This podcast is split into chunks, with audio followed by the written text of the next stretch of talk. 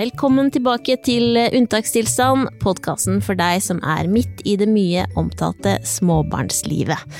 Sammen så kan vi gjøre de to første årene litt lettere.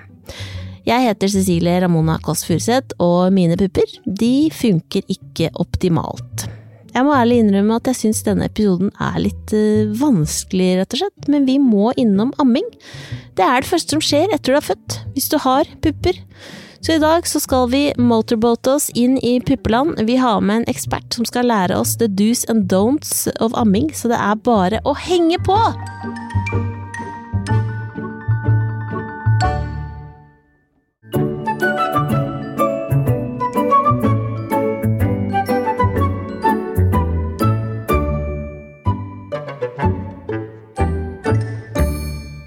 Siden jeg ikke gjør det sjøl, så må jeg ut og snakke med noen som faktisk ammer. Vi drar på kafé. Nå sitter jeg her ved siden av en eh, dame som akkurat nå ammer. Hva heter du? Karoline. Karoline. Og har du, Karoline, hørt noen gang at amming ikke skal gjøre vondt? Uh, ja, det tror jeg. Har det gjort vondt? Eh, ja, noen ganger, men jeg tør å påstå at jeg har vært veldig heldig. Så jeg har ikke hatt så veldig mye vondt, men jeg har hatt litt vondt. Så deilig. Føler du at du fikk nok informasjon om amming og hva du skulle gjøre hvis du trengte hjelp? Ja, men det er vel mest fordi jeg er på f.eks. Instagram og sosiale medier, så man får jo veldig mye Eller jeg har fått mye informasjon gjennom de kanalene der, da. Um, og lest, brukt ammehjelpen veldig mye. Veldig flittig bruk av ammehjelpen, spesielt med førstemann. Jeg har en til. Så ja. Mannen min eh, har lest mye på ammehjelpen. Og så sitter det en eh, annen eh, dame her også. Hva heter du? Signe. Ammer du? Ja. Og da må jeg spørre deg om det samme. Eh, har du hørt at amming ikke skal gjøre vondt? Jeg hørte det, men jeg føler ikke det er sant. For jeg fikk beskjed om at ja, nå gjør du det rett, så syns jeg fortsatt det var vondt. Men eh, det gikk seg til, da. Fikk du den hjelpen du trengte, følte du? Um, både og. De syntes det var litt varierende, den hjelpa jeg fikk, kanskje. Litt forskjell Altså, fikk eh, veldig god hjelp fra noen, og så var det andre som der det ikke var så at Jeg at det ikke var så nøye, på en måte. Eh, som jeg har fått tilbakemelding på ettertid at nei, men sånn, det er jo feil, på en måte. Eh, men det var noe av de første beskjedene jeg fikk allerede på sykehuset. Så jeg liksom trodde at det har vært rett hele veien. Så det når du finner ut at du har gjort feil i ukevis, så er jo det dumt, da.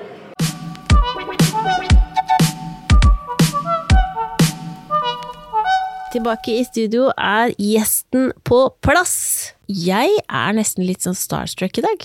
Fordi jeg har besøk av en kvinne som står bak en av de Instagram-kontoene som jeg har brukt mest i barseltid. Eh, og det er Barselhjelpen. Kristine Lystad Rundbråten. Du er barnepleier, ammeveileder og har tre små barn. Så også en skikkelig kunnskapsbank i babytida. Velkommen! Jo, takk for det. Veldig hyggelig å være her. Ja, og vi, I dag så skal vi jo snakke litt om um, amming. Og vi får ikke dekket alt, for det er så utrolig stort tema, men vi må prøve å få med oss det viktigste. Og bare for å liksom ha det på det rene, så er det Helsedirektoratet anbefaler at du ammer hele det første året. Og gjerne lenger hvis babyen, du og baby trives, og fullammer første seks månedene. Stemmer. Stemmer. Mm. Ikke sant. Og da lurer jeg på Amming skal ikke gjøre vondt. Det er det veldig mange som sier. Hvorfor sier de det? Nei, det er jo sånn at eh, jeg tror ikke vi mennesker eh, hadde overlevd hvis amming hadde vært, eh, hadde vært vondt. Eh, altså for alle de som har ammet før oss. Hvis det hadde vært vondt for de, så hadde jo ikke, hadde ikke menneskeheten overlevd, da. Det er jo sånn vi får mat, og det er sånn vi vokser. Mm. Eh, og så er det jo litt sånn at eh, jeg er jo en av de som sier det, at det ikke skal være vondt. Mm. Blant annet når jeg jobber på barsel, da, til de nye mødrene som jeg møter. Og det er jo fordi at eh, mange av de som ikke har ammet før, de vet jo ikke hva de går til. Eh, og hvis de har hørt det, da eh, Mange sier det at amming er dritvondt. Mm. Eh, og sånn er det bare. Så tenker jo de også det, og så sitter de kanskje der med feil sugetak, store blødende sår, og tenker at dette er normalt, så dette må jeg bare holde ut. Mm. Eh, men så er det jo kanskje hjelp å få, eh, sånn at man skal ikke lene seg på at det er normalt at det er vondt. Det er det jeg tenker, da. Eh, Da er det bedre å tenke at det skal ikke være vondt, eh, så nå er det noe som må korrigeres eller endres eller Ja. Så hvis man sitter hjemme nå og ammer og det gjør kjempevondt, da er det et eller annet som kan fikses. Stort sett er det det. Og hva gjør man da? Da er det jo det å først og fremst søke hjelp, da. eh, På helsestasjonen hvis du sitter hjemme. Ja. Og, og krev å få, få god ammeveiledning. Eh, Jeg vet jo det at de har jo timelister, og de har eh, altså mange de skal hjelpe. Men eh, det er noe med det å du må bare Du må få hjelp. Mm. Vi bor i Norge, og man skal få hjelp. Så det har du krav på. Ja. Men og så har jeg liksom inntrykk av når jeg har snakket med flere damer som har født, at det er liksom amming det byr nesten alltid på utfordringer. At man tenker det ser jo så lett ut, og det, jeg synes man ser altså Det er jo ikke noe som ser råere ut enn en dame som sitter og ammer, liksom. Er det noen som bare får det til sånn med en gang? Det er noen, noen få, som får det til. Eh, Men det er jo gjerne da de som f.eks. har gjort det før, fått flere barn, eh, og har det litt i fingrene enda. Eh, Men det er ikke sagt det at fordi du har flere barn, så får du det til med en gang heller. Det er nytt barn og nye, nye erfaringer og nye utfordringer. Men det er absolutt Det er en, en jobb som må gjøres for å få det til i starten. Så babyen er født, puppen er ute. Hvor ofte eh, skal man amme? Nei, anbefalingen nå er vel eh, minst åtte ganger i døgnet. Helst mer. Åtte til tolv ganger. Eh, og det er helt fra fødsel av, egentlig. Eh, og mye av grunnen til det er jo for å sette i gang mors melkeproduksjon. Eh, for vi vet det at eh, hyppig stimulering allerede fra start, det gjør at man får en eh, høyere melkeproduksjon også videre i forløpet. Vi sier det at eh, den første uka, eh, så for, enkelt forklart, så pleier jeg å si det at første uka så aktiveres de melkeproduserende cellene hver gang man ammer eller pumper eller stimulerer med håndmelking. Sånn at jo flere eh, sånne celler du klarer å aktivere, jo bedre grunnlag for melkeproduksjonen videre, da. Så man må beregne å være ganske travel i starten. Ja. Da er det ikke tid til så mye annet. Nei. Det, det, blir, det blir mye amming. Eh, og man må være litt innstilt på det også. At det er det, det er det det går til i starten, og så vil det jo gradvis avta etter hvert som melkeproduksjonen kommer i gang, da. Når kan det på en måte bli farlig? Altså når, når blir det sånn at du tenker sånn ok, men du må gi litt erstatning i tillegg? Tenker at det er jo eh, kanskje en beslutning man gjør i samråd da med enten barsel eller helsestasjonen, helsesykepleier eller jordmor. Eh, for de vil jo da følge opp vekta over tid. Og det er jo litt det som eh, Det er den vekta vi er litt eh, fokusert på, da. Mm. hvis barnet allerede fra start kanskje er litt liten og litt eh, eh, Vi kaller det dysmatur, eksempel. Hvis den har fått litt lite mat i magen, har litt lite underhudsfett, eh, så kan det jo hende at man da må gi litt tillegg i starten, rett og slett for at barnet skal ha energi til å suge. Mm. Men det er jo da eh, noe man da bestemmer sammen med, med barsel, som da kan følge opp vekta. Mm. Og eh, ikke minst sugetaket. For det føles jo litt sånn eh, hjerterått på en måte å si sånn ja, men babyen må være sulten. Er det ikke viktigst bare at babyen er mett? Altså virker det noen ganger som de er så besatt av amming.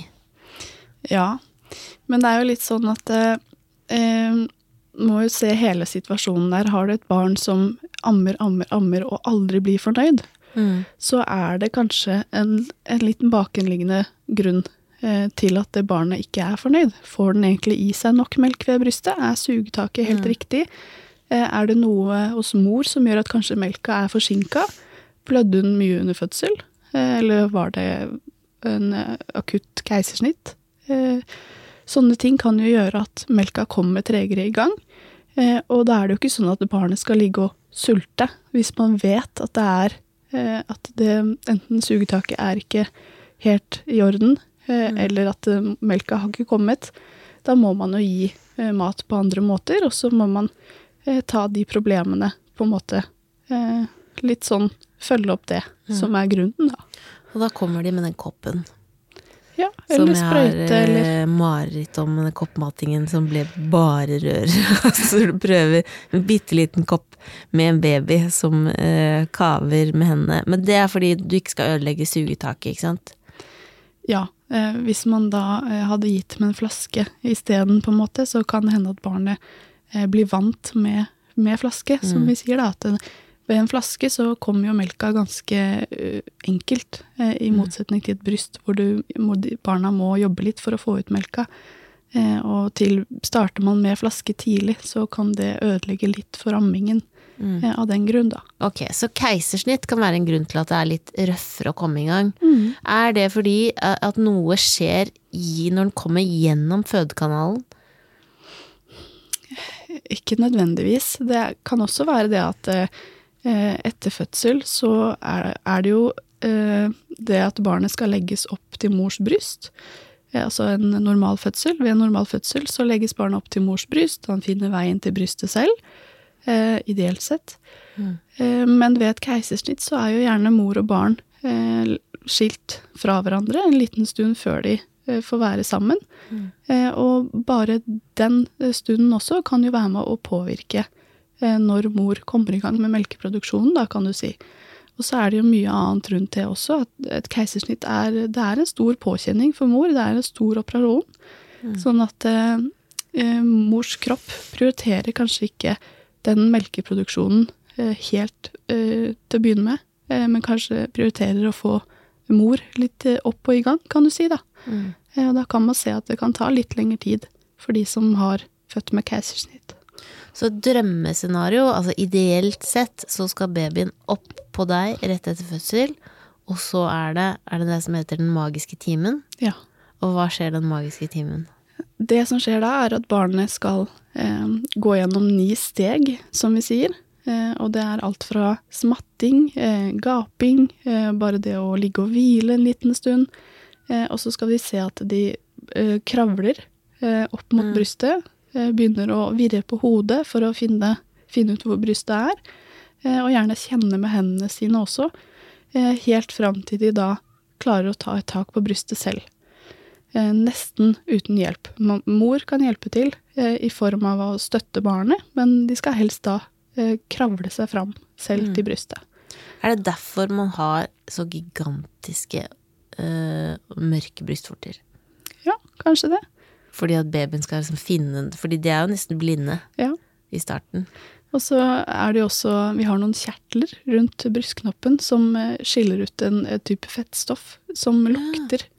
Ja. Sånn at barnet kjenner igjen den lukta. Når de da driver og leiter etter puppen, så lukter de seg fram også. Det er ganske rått at det går an. Ja. Det er helt utrolig.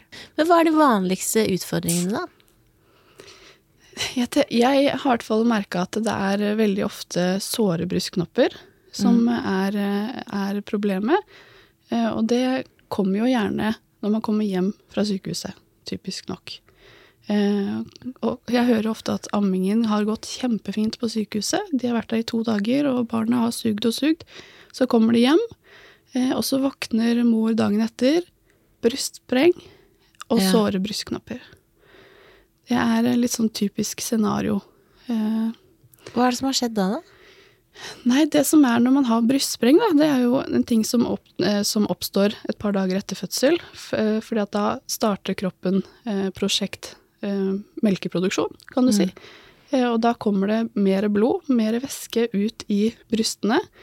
Litt sånn som en, når du vrikker ankelen, så går det masse blod og vann ned dit for å reparere området.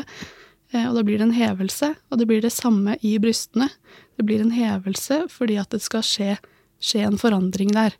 Eh, og den brystsprengen kan gjøre det litt vanskelig for barn å ta tak, eh, fordi at det blir så hardt. Ja, for det er bare en stor, hard ball, liksom. Ja, Ja. med en brystknopp på, som barnet da skal få helt, nesten helt bak i drøvelen. Så det ser, ser man for seg det, så ser man jo Ja, kanskje at det kan være litt vanskelig. Mm. For stemmer det at det skal se ut som barnet spiser en cheeseburger? Ja. Ja. Eh, En, en høy. En, En høy, hamburger. en skikkelig altså ikke en cheeseburger. Svær Ikke en vanlig sånn McDonald's cheeseburger, men en Big Mac. Ja. Du skal spise en Big Mac. Mm. Ok, så det, da, eh, du har altså født, bare for å liksom, du har født, eh, og da er jo ikke melkeproduksjonen i fullt kjør enda, det tar litt tid. Når du drar fra sykehuset, så er mest sannsynlig ikke den produksjonen i full fres. Nei, det, nå drar man jo gjerne på dag to, eh, eller dag tre, og da Ja. eh, Det er ofte litt tidlig for at den modne melka har kommet godt i gang hos de fleste. Ja, ikke sant. Så da du våkner opp, såre eh, brystknopper, eh, en kjempestor eh, hard ball av en pupp, hva gjør du da? Nei, da er det jo et triks som vi kaller for Cottermanns grep. eh, Som er eh, et kjempefint hjelpemiddel man kan bruke for å myke opp brystet akkurat sånn at barnet får tatt et godt tak. Mm. For den beste lindringen er jo egentlig eh, at barnet ammer når man har brystspring. Så det er jo Ja. det å få barnet på eh, et sprengt bryst som da kan være problemet. Eh, og da er jo den Kottemanns grep eh, en veldig fin løsning som kan fungere godt for de fleste. Kan du vise hvordan man gjør det? Har du med deg demonstrasjons... eh, Jeg har med meg eh, puppen? pupp, ja. Det har jeg, vil vet du. gjerne se. Dette blir selvfølgelig filma og lagt ut på Instagrammen til Unntakstilstand, så det er bare å gå inn og se hvordan du gjør Kottemanns grep. Der, ja. Der har vi altså puppen. Der har vi puppen. Ja. Eh, og nå er jo den her kjempesprengt, da. Eh, og så da skal man rett og slett ta fingrene sine, lage en litt sånn rose. Man kan også kalle det rosegrepet, noen Ja. gjør det. Eh, lager en rose som er, har akkurat plass til brystknoppen i midten der. Så skal du ta den rundt brystknoppen og klemme ganske godt inn. Pass på at du ikke har lange negler, for da blir det kjempevondt. Ja. Ja, det kan gjøre vondt. Ja. Hvis du er skikkelig sprengt, så gjør det litt vondt. Eh, og da er det gjerne vondest i starten, og så kjenner du at etter hvert som væska da blir borte, at du får trykka væska litt inn, så blir det mykere. Du kan gjerne holde ja, 30 sekunder, eller opptil ett minutt, hvis eh, du ikke kjenner at det, etter 30 sekunder så skal du på en måte kjenne eh, Kjenne at det har blitt litt mykere rundt her, rett og slett. Eh, og så, eh, etter 30 sekunder eller ett minutt, tar du vekk hånda, så vrir du litt på hånda, sånn at du får tatt på andre områder rundt brystknoppen. Presser du inn der også. Så når du da har gjort det i opptil ett minutt igjen, så skal du kjenne at det er mykt rundt her. Så har du kanskje lekke litt melk også, eh, sånn at det har blitt litt eh, mykere på grunn av det også. Ved et Ja. godt sugetak så skal barnet ha brystknoppen nesten helt bak i drøvelen. Mm. Eh, og det, da, når den ligger der, så er det ingenting som kan ligge og gnage på den. For det som gjør at man blir sår, eller får såre brystknopper, er nettopp det at barnet gnager på brystknoppen, enten med gommen sin, hvis den har et veldig lite sugetak her ute, eller så er det eh, at det kanskje er tunga og ganene som lager eh, litt sånn skrubbsår på brystknoppen, rett og slett. At den ligger ikke helt, ikke helt inne ved drøvelen, men da oppi eh, litt for langt ut, da, kan du si. Så vi vil ha det store gapet for at brystknoppen skal komme helt inn. Helt inn. Og så lurer jeg på, det er en ting som jeg syns er litt eh, mystisk. Det er umulig å si hvor mye er det som kommer ut, hvor mye er det babyen spiser? Og særlig sånn i starten, fordi det er viktig at den liksom går opp i vekt, og det er mye veiing hele tiden. Men da, hvordan vet man at babyen får nok melk? Fordi det er sånn at når du pumper, så kommer det ut mindre enn om en baby med riktig sugetak Ja. suger på puppen. Mm. Så hvordan vet man hva som kommer ut? Ja, nei, den beste indikatoren er jo som du sier vekt. Eh, men så er det jo litt sånn andre ting man kan følge på også, følge med på mellom eh, veiinger. Eh, når man kommer hjem fra sykehuset f.eks. Følge med på at barnet eh, spiser og ikke sovner med en gang du skal legge til for amming. Eh, at barnet har eh, flere bæsjebleier i døgnet og flere tissebleier. Eh, kan også se på hvordan barnet oppfører seg når den er våken. At er det en, et barn som bare gråter, eller er det et barn som virker fornøyd de få minuttene de er våkne i løpet av et døgn? For et nyfødt barn sover jo mye uansett, men eh, Og så er det jo det med å følge med på at de ikke blir slappe. Eh, Ja. For lite mat inn betyr uh, lite energi, eh, og da blir de gjerne trøtte og slappe. Og så får man kanskje litt sånn ond sirkel. At de blir for trøtte til å spise, og så får de ikke i seg mat, og så blir de enda trøttere, og så, ja. Ja, ikke sant. Så det er litt sånn um, Man kan bare ha det i bakhodet at et barn skal uh, være våkent lenge nok til å få sugd et godt måltid. Ja. Hvis du som hører på nå hører eh, en liten lyd i bakgrunnen, så er det rett og slett eh, at jeg sa det til deg, Kristine er helt rå, eh, hvorfor hun har med seg en seks uker gammel baby. Altså din egen baby, som nå er våken. Ja, Viktig å presisere at det er min egen baby. Det er det, du har ikke bare funnet en baby. Ikke tatt med. Demonstrasjons. Da skal Kristine bare sjekke hvordan det går med Henrik. Da er vi tilbake. Ok, så da vet vi um, hvordan man kan um, finne ut liksom, de tegnene på at en baby går nok opp i vekt. Men så tenker jeg da, hvis det viser seg at du kommer aldri i gang med nok produksjon, du har ikke nok melk, rett og slett, skal man begynne å pumpe masse da? Kan man ja, Hvordan skal man få opp produksjonen? Det er jo en forskjell, litt forskjellige måter man kan gjøre det på. Eh, så må man velge litt ut ifra egen situasjon. Hvis du føler at du har tid og overskudd til å pumpe i tillegg til eh, å eventuelt amme eller å ta, ta deg av et nyfødt barn, så gjør gjerne det. Eh, men den beste måten er jo på en måte å få barnet til å, til å suge. Mm. og, og ligge masse hud mot hud. Ta en hel dag eller to i senga nakne eh, oppå hverandre, holdt jeg på å si. Altså selvfølgelig barna oppå deg. Ja, Eh, ja, eh, så gjør, eh, gjør gjerne det. Eh, og ligg masse hud mot hud. Eh, og masse amming. For det er jo litt sånn at pumping, det er en mekanisk eh, ukoselig greie, egentlig. Eh, sånn for, eh, for hjernen og kroppens del så er det jo ikke pumping som gir oss mest eh, oksytocin, kan du si, da. Eh, og en viktig del av melkeproduksjonen er jo eh, oksytocinet. Mm. Eh, altså kjærlighetshormonet. Så når hvis du pumper, så sørg i hvert fall for, på, for at du sitter godt, eh, behagelig, at det ikke er vondt. Eh, og at du kanskje kan se på noen bilder av barnet, eller ha barnet hos deg, eh, bare for å hjelpe litt med det oksytocinet, da. Men og så lurer jeg på, hva hvis det eh, viser seg da at du har ikke nok melk? Altså historie fra eget liv. Prøvde å amme, amme, amme, amme, amme, ehm, og det kom aldri noe mer melk, så det ble delamming. Og sånn at jeg måtte da gi eh, Jeg måtte koke og sterilisere flasker og gi erstatning og sitte med oksytocin eh, eh, og det ble veldig frustrerende og slitsomt, fordi det kom aldri noe mer. Og han var kjempesulten, så da til slutt bare sånn, nei, nå blir det flaske. Eh, Og så kom da nummer to, og da hadde jeg hørt, jeg hadde forberedt meg godt, jeg hadde hørt sånn, med nummer to så kan det hende det er mer melk, så jeg prøvde samme opplegget igjen, hadde ammeveileder på besøk, og da hadde jeg jo allerede to tette, så jeg hadde basically en baby fra før. Eh, og da kjente jeg sånn, hvis jeg skal ha det bra, så kan jeg ikke holde på sånn. Så da ble det flaske der også. Men så fikk jeg en eh, slags sånn eh, eh, ammesorg, rett og slett, fordi jeg følte meg litt som en Det er kanskje teit å si, men litt sånn mindreverdig mor. Har du noen råd, hvis du møter damer som er i den situasjonen? Ja, nei, det er en veldig vanskelig situasjon. Jeg har jo vært i den selv.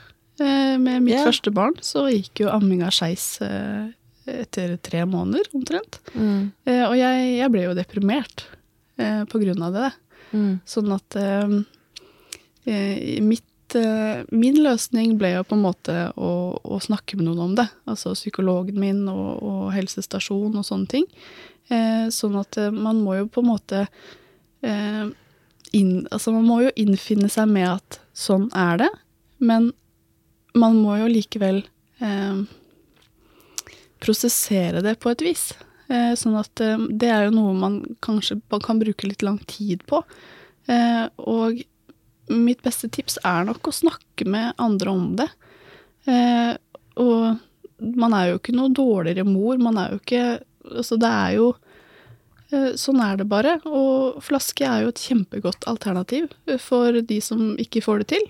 Eh, sånn at det, det, det er jo så mange som gjennomgår akkurat den ammesorgen, som man kan kalle det. Eh, og man kommer jo gjennom på det på et vis, men eh, det er kjempetøft å stå i. Ja, fordi selv om alle rundt meg var veldig støttende, og det var ikke noe problem og sånn, så er det eh, Man går og er litt sånn sint på seg selv, og så lurer man sånn Ga jeg opp for tidlig? Burde man liksom holde ut enda lenger? Men så er det jo at man skal også ha det bra samtidig. Ja, nei, det, er eh, Det er kjempevondt, rett og slett. Mm. Eh, og ja. Det, er jo, det blir jo ikke noe bedre av at eh, andre, andre får det til heller. Så man kanskje Man føler seg jo rett og slett eh, som en litt dårligere mor, som du sier. Mm. Og da må man jo prøve å tenke på kanskje alle de tingene man kan gjøre isteden. Mm. Eh, altså, du er jo en kjempegod mor til barnet ditt, selv om du ikke ammer. Og så kan man jo gjøre flaskemating til noe ganske koselig. Absolutt. Første baby, da delammet du, Mm. og så ga du deg. Men nå har du Nå du barn nummer tre. Fullammer du nå? Nå fullammer jeg. Så det kan altså gå. Det kan gå. Mm. Eh, og mye av grunnen til det tror jeg er at eh, det er, nå har jeg mer kunnskap, rett og slett. Ja. Eh, med førstemann så Jeg husker nå nesten ikke det er sånn, bare sånn tåke. Eh, men jeg ble kjempesår i starten, eh, og så fikk jeg brystbetennelse. Og så kom vi oss over den kneika, eh, og da begynte vel jeg å tilby flaske, fordi at jeg skulle begynne å jobbe. ja. Og da ville ikke hun ha puppen lenger. Nei. Så da, da blei det ikke noe mer amming, da. Mm. Det var jo kjempesårt. Eh, Jeg var nyutdanna barnepleier. Jeg hadde skrevet fordykningsoppgave fordypningsoppgave om amming. Mm. Jeg følte meg jo ganske, ganske god på amming. Det var jo åpenbart ikke det den gangen, men eh, det var kjempesårt Mm. eh, for meg eh, å skulle være, være liksom barnepleier og veilede i amming, og så klarte jeg det ikke selv. Mm. Så det Ja, nei, det ble en eh, Det var en tøff periode. Mm. Men kan det også være at, eh, at det er noe i det som man kan få mer med barn nummer to? Ja. Eh, Det handler jo da litt om de, det forklarte med de melkeproduserende cellene som aktiveres. Mm. Eh, og for hvert barn så sier vi også at eh, man aktiverer da enda litt flere. Eh, altså i første barnet så aktiverer du en, en viss mengde, da, kan du si, og så eh, kommer det et barn til, og så aktiverer du de samme, men gjerne noen ekstra. Eh, og så kommer det enda et barn til, så blir det ja, kanskje Enda flere. Ja. Mm. Men det er jo mye Det mye handler om den stimuleringa i starten. Eh, og det er derfor jeg også er litt opptatt av på barsel å si det til de jeg møter der, at eh, sørg for at sugetaket er godt helt fra start. Eh, fordi at dårlig sugetak gir også dårligere stimulering. Mm. så er det dårlig sugetak og du blir kjempesår i starten, så gir jo det dårligere stimulering. Og det betyr jo da at færre sånne melkeproduserende celler aktiveres også. Sånn at hvis du holder ut med såre brystknopper og dårlig sugetak i starten, så kanskje du da får lite melkeproduksjon etter hvert. Da du, ble, da du ble deprimert, kan jeg spørre hvordan, hvordan gikk du fram for å få hjelp da? Vet du hva, jeg, eh, jeg gikk veldig lenge, bare var eh, sur og altså lei meg og skjønte kanskje ikke helt hva det var. Mm. Eh, Helt til jeg en morgen etter nattevakt bare sto utafor jobb og gråt og gråt og gråt. Eh, Og så ringte jeg fastlegen. Og jeg, jeg fikk ikke sagt noe, tror jeg. Jeg bare, jeg bare gråt og gråt. Og så Ja, kom klokka ni. Eh, Og da, da var det på en måte Da bare tømte jeg hele meg, og så var det Da innså jeg kanskje at oi, shit. Nå har jeg gått sånn her i, i veldig mange måneder. Mm. Eh, og ja, de rundt meg så det kanskje ikke, de heller. Eh, fordi at jeg, jeg skjuler det jo når jeg er i sosiale lag og på jobb og mm. Men eh, plutselig en dag så sa kroppen stopp. Eh, det Sett i ettertid så var det, er det veldig mange måneder eh, av mitt liv eh, med min lille datter bare borte. Mm. Jeg husker veldig lite av den tiden der. Mm. Det er jo også veldig trist å tenke på. Det er veldig trist. Det er også et poeng at hvis du sitter og strever og strever og strever, at man går på, på en måte glipp av noe som, uh, som er veldig fint, da. Og det var det jeg tenkte hvis jeg, skal hvis jeg skal pumpe åtte ganger i døgnet i tillegg til å gi erstatt altså det, Jeg går glipp av alt som er koselig. Ja. Det blir jo ikke noe uh, koselig her hjemme da. Men så vil man så gjerne amme! Det bare, Men det er noe med uh, å sette mamming før amming. Mm. Og så må man, man må lage en plan som er bærekraftig når man skal, hvis man sitter i den situasjonen og skal øke melkeproduksjonen ved pumping. Eh, man, må, man må da legge opp til pumping eh, etter evne, etter hva man orker. Eh, også i tillegg da kanskje få hjelp til å se på sugetaket, sånn at vi vet med sikkerhet at det sugetaket der, det melker brystet godt nok. Da kan vi fokusere på å øke produksjonen da på andre måter. Eh, Men om du da skulle amma, og også kanskje det var et dårlig sugetak, så er jo egentlig den amminga bare, bare bortkasta i forhold til å øke melkeproduksjonen, da. Mm. Så vi må, se, vi må se på helheten og lage en bærekraftig plan som mor orker å stå i. Mm. Mm. Er det noen tilfeller hvor amming ikke er det beste? Det er jo tilfeller f.eks. der det går utover mors helse, Mm. både fysisk og psykisk. Eh, Å amme, eh, spesielt i starten, er jo eh, Altså for å få i gang en melkeproduksjon, så må man eh, Man må regne med eh, søvnløse netter, eh, at det er, det er mye amming. eh, Eller mye pumping hvis man gjør det. Eh, Og da, hvis man ikke tåler eh, å, å ikke sove. Eh, hvis det, man kjenner at det går utover psyken, eh, så er det jo kanskje ikke det beste for deg. Mm. Eh, eller så er det jo sånn eh, eh, Hvis man også går på medisiner, eksempel, som gjør at man ikke kan amme. Mm. Eh, men ja, det går kanskje mest på det eh, hvis det er mors helse, da. Mm. Så når Helsedirektoratet sier at så lenge mor og barn trives, Mm. så må vi huske at det også er viktig. At begge skal trives med det. Absolutt. Mm. Mm. Kristine, ehm, det har vært så fint å ha deg her. Jo, takk. Det har vært veldig hyggelig og jeg mener det. Jeg blir litt starstruck, fordi den kontoen din, det er altså, hvis du som hører på, lurer på ting, den er veldig oversiktlig. Barselhjelpen. Der eh, står det om alt du kan lure på. Og du også reiser hjem til folk på ammeveiledning også, Mm, gjør du ikke det? jeg gjør det. Ikke så mye nå, men eh, vanligvis. Nei, det skal du slippe akkurat nå når du har en seks uker gammel baby. Eh, og for å oppsummere, da, så kan vi jo si at du eh, må be om hjelp. Og dette skal, det skal ikke gjøre vondt, faktisk. Så hvis det gjør det, eh, så er det et eller annet som kan eh, i mange tilfeller løses opp i. Eh, så da må man rett og slett be om hjelp på helsestasjonen, og mase på de på sykehuset når du er der. Ja? Mm, Bra. godt oppsummert. Tusen takk for at du kom.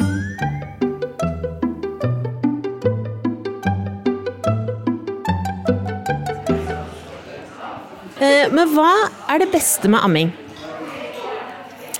Eh, det beste med amming er å vite at man eh, klarer å gi næring til barnet sitt.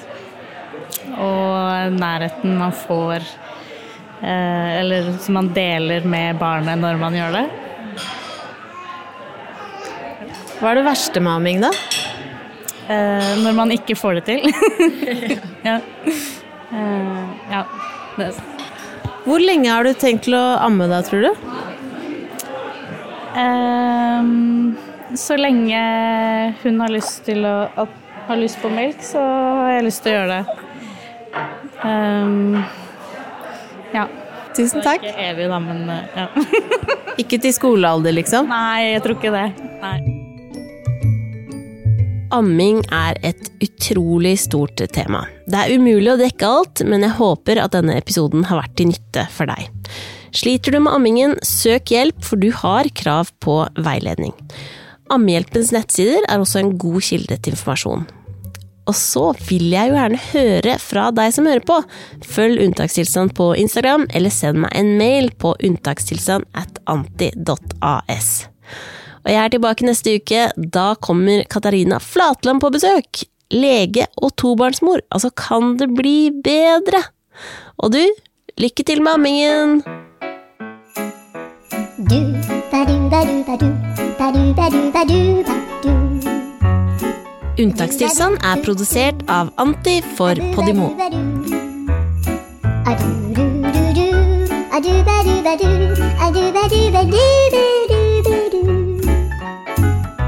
A doo ba doo ba doo doo doo ba doo.